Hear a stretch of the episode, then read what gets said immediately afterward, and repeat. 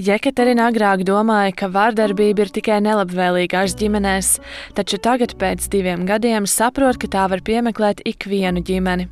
Viņa gan norāda, ka pie vardarbības nevar vainot tikai vienu cilvēku, jo tur iesaistīti un vainīgi ir abi. Tomēr tieši vīrs pret viņu bija emocionāli vardarbīgs. Jekaterina stāsta, ka viņas vīrs ir impulsīvs gan pozitīvā, gan, diemžēl, arī negatīvā ziņā. Viņa ar bijušo vīru satikās draugu kompānijā, esot vēl attiecībās, tolaik ar citu vīrieti. Viņš bija strauji, tāpēc trīs dienu laikā sieviete varēja pamest iepriekšējās attiecības un jau ievākties pie viņa dzīvoklī. Sievietē likās, ka beidzot ir attiecības, kur tiek novērtēta. Jekaterinas attiecībās bija vai nu tikai ļoti labi, vai ļoti slikti diemžēl ļoti labi ātri beidzās. Visu laiku bija kaut kādi kā, dīvaini komentāri par, kā, par manām kaut kādām spējām. Tur, tā. Piemēram, es nestrādāju. Un kas man tur vispār par izglītību, kaut es esmu tur maģistrs un viņam vispār nav nekādas izglītības. Nu, tas maz kaut kādas lietas, kaut kur sarunas, kas man lika justies nekomfortabli, bet es pat nevarēju to izsekot, ka viņam tur nepatīk, ka es komunicēju ar kādu cilvēku, tad viņš pēkšņi kļuva greizsirdīgs. Tad es vispār pārtraucu komunicēt ar visiem draugiem, vīriešiem, lai viņi tur kā, nestresotu lieku reizi. Krīžu un konsultāciju centra Kalbas klīniskā psiholoģija Inese Ruka Jansone skaidro, ka ietekmēšana, nicinošu piezīmju izteikšana un aizliekšana tikties ar citiem cilvēkiem ir emocionālā vardarbība. Psiholoģi norāda, ka tādā veidā varmāka cenšas izrādīt savu varu pār otru. Tad cilvēks jūtas viens un neaizsargāts. Reizēm varmākas neapjauš, ka izmanto emocionālo vardarbību, taču, kad uz to jau norāda, tad tā ir tīša vardarbība. Jekaterina stāstīja vīrietim, kā viņa jūtas. Visu laiku mēģināja kaut kādas savas robežas noturēt. Bet nu, katra vispār saruna par manām jūtām beidzas ar to, ka viņš to uztvera kā kritiku un viņš vienkārši vai nu palika agresīvs, vai kaut kur aizmuka prom tur uz vairākām dienām. Kad vīrietis pazuda un ignorēja Jekaterinu vairākas dienas, tas viņu visvairāk sāpināja. Sieviete jutās vainīga pie tā, ka viņš klusē. Arī nepārtraukta vainošana bija. Ja mēs par kaut ko runājam, tad bija vainīgais kā viņš dzēr, tas ir tāpēc, ka es tā uzvedos. Ja mēs strīdamies, tad tāpēc, ka es tā uzvedos. Ja mums ir kaut kādas problēmas, tad arī tā kā. Nu, Pie visa bija vainīgais. Viņa stāsta, ka tobrīd neapzinājās, ka cieš no emocionālās vardarbības un no tās kaunējās. Emocionālā vardarbība, salīdzinot ar citām vardarbības formām, ir grūtāk atpazīstama un pierādāma, stāsta psiholoģija Ruka Jansone.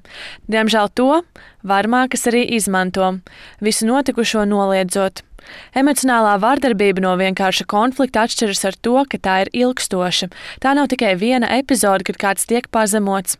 Viņa stāsta, ka emocionālā vardarbība ģimenē var tikt vērsta pret jebkuru. Emocionālā vardarbība ir raksturīga tomēr visiem, un bieži vien pat uh, sievietes ir biežāk emocionāli vardarbīgas pret saviem ģimenes locekļiem nekā vīrieši. Kā arī, piemēram, bērnam esot vardarbības lieciniekam, viņš arī cieš no emocionālās vardarbības, kaut arī tieši netiek vērsta tā pret viņu.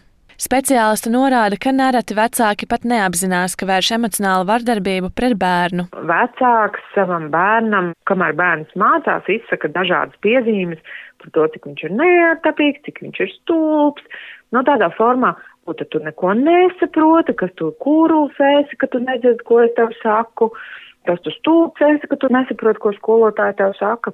Ka, piemēram, šādas piezīmes, kas noniecina bērnu, noniecina bērnu prātu. Un emocionālā vardarbība atstājas sekas. Visbiežāk upurim pazeminās pašvērtējums. Cilvēks, kas cieš no emocionālās vardarbības, sāk apšaubīt savas spējas, prasmes vai izskatu, visu, ko varmāk apšauba. Savukārt bērniem var šķist, ka viņi ir nemīlēti, stāsta psiholoģi. Bieži vien tā ir vainas sajūta, trauksme un bailes, reizēm apspiestas dusmas, kas atspoguļojas uzvedībā. Emocionāla vardarbība var izpausties agresīvā uzvedībā pret citiem, bet nākotnē emocionālo vardarbību var pārņemt partnerattiecībās. Jekaterina stāsta, ka viņas vīrs ir audzis ģimenē, kurā valdīja vardarbība. Pēc septiņiem mēnešiem sieviete vairs nevarēja izturēt pazemojošo attieksmi. Plānoja iet prom no vīrieša, bet tad izrādījās, ka viņa gaida bērnu.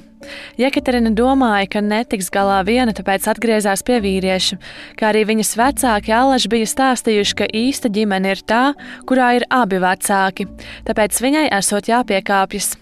Kad piedzima bērns, aptuveni mēnesi vīrietis bija labs pret viņu. Bet vēlāk viņš neizturēja.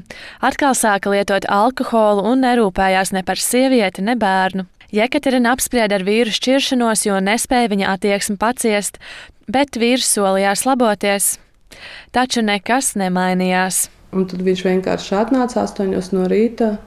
Un es ļoti cerēju, ka viņš beidzot būs mājās un ka viņš man palīdzēs. Un viņš vienkārši saka, dzert astoņos no rīta. Un tad es viņam lūdzu, lai viņš to nedara. Tad viņš palika ļoti dusmīgs. Es ar to vienkārši mazu divu mēnešu vecu meitu rokās, vienkārši tur ar asarām, un viņa lūdzu, ka, lai meija lūdzu pagulēt, lai pēcpusdienu vismaz tu vari mani iedot tur divas stundas pagulēt. Es paņēmu to pudeli, un viņš man saka, tēt, ka vispār es esmu tur, nezinu, vissliktākā sieviete pasaulē, ka vispār manus vecākus vajag tiesāt par to, ka viņi tādu meidu izaudzinājuši. Jekaterina pateica, ka to visu vairs nespēja klausīties, un viņai ir tik slikti, ka varētu pat izlikt pa logu ārā. Uz to vīrietis ļoti asi reaģēja. Viņš vienkārši nometa bērnu uz šo krēslu, sita man pa seju, un tad pēc tam mēģināja žņaukt ar rokām. Es, es atceros, ka es skatījos uz, pirmkārt uz bērnu, ka viņš var tagad kā, nokrist uz zeme, un pēc tam uz viņa. Es redzēju, ka tas ir vispār cilvēks, kuru es nepazīstu. Viņai šķita, ka būs viens mirklis, un viņš sievieti nogalinās. Dzīvoklī bija lokus vaļā, un Jekaterina sāka kliegt. Tad vīrietis pārtrauca vardarbību un aizbrauca prom. Valsts policijas krimināla izmeklēšanas pārvaldes galvenā inspektore Dāca Landmana stāsta, ka emocionālai vardarbībai bieži seko arī fiziska spēka pielietošana. Emocionāla vardarbība atraut no citiem vardarbības veidiem ir grūti, bet viņi iet kombinācijā arī ar citiem vardarbības veidiem, biežāk ar fizisku vardarbību. Policista stāsta, ka emocionālā vardarbība, kas vērsta pret bērnu, ir labāk regulēta, līdz ar to lielāka atbildība tiek prasīta no varmākas. Savukārt, ja no emocionālās vardarbības cieši pieaugušie, tad tai ir jābūt ilgstošai, lai policija varētu konstatēt noziedzīgu nodarījumu. Nereti ir grūti izšķirt ikdienišķu konfliktu no emocionālās vardarbības. Ir jāpierāda, ka tieši konkrētā persona no konkrētu darbību rezultātā izraisīs šim cilvēkam psihisku traumu vai psihiskus traucējumus. Lai to pierādītu, policija nozīmē ekspertīzi, bet jebkurā gadījumā, ja cilvēks ir cietis, tad viņam tiek piedāvāta psihologa palīdzība. Nereti arī psihologa atzinums kalpo par pierādījumu emocionālajai vardarbībai. Arī pēc fiziska konflikta ar vīru Jekaterina viņu nepameta, jo viņas vecāki teica, ka tā var gadīties un ģimene ir jāsaglabā. Tomēr situācija nekļuva labāka. Vīrs lietoja alkoholu un ar vārdiem viņu pazemoja. Tad Jekaterina saprata, ka viņa tā vairs turpināt nevar, jo vīrs var atkal viņu žņaukt vai pat nogalināt. Viņa pārtrauca attiecības. Pirms tam es visu laiku arī domāju, ka varbūt vaina ir mani, ka es kaut ko nepareizi daru. Bet uh, tad es ieraudzīju, ka ja viņš pat nu, viņš to pašu dara ar mazo bērnu, kas tiešām nav ne pie kā vainīgs, un ka tas jau nu, tas ir pārāk traki, ka pieaudzis kā vīrietis nevar nokontrolēt savas emocijas, tā um, komunikācijā ar zīdaini. Šķirties viegli nebija. Jekaterina vērsās pie jurista, lai laulību šķirtu un apmeklēja psihologu, lai atkal neatgrieztos vardarbīgajās attiecībās. Viņa nelūdza palīdzību policijai, jo cerēja, ka visu atrisinās pati.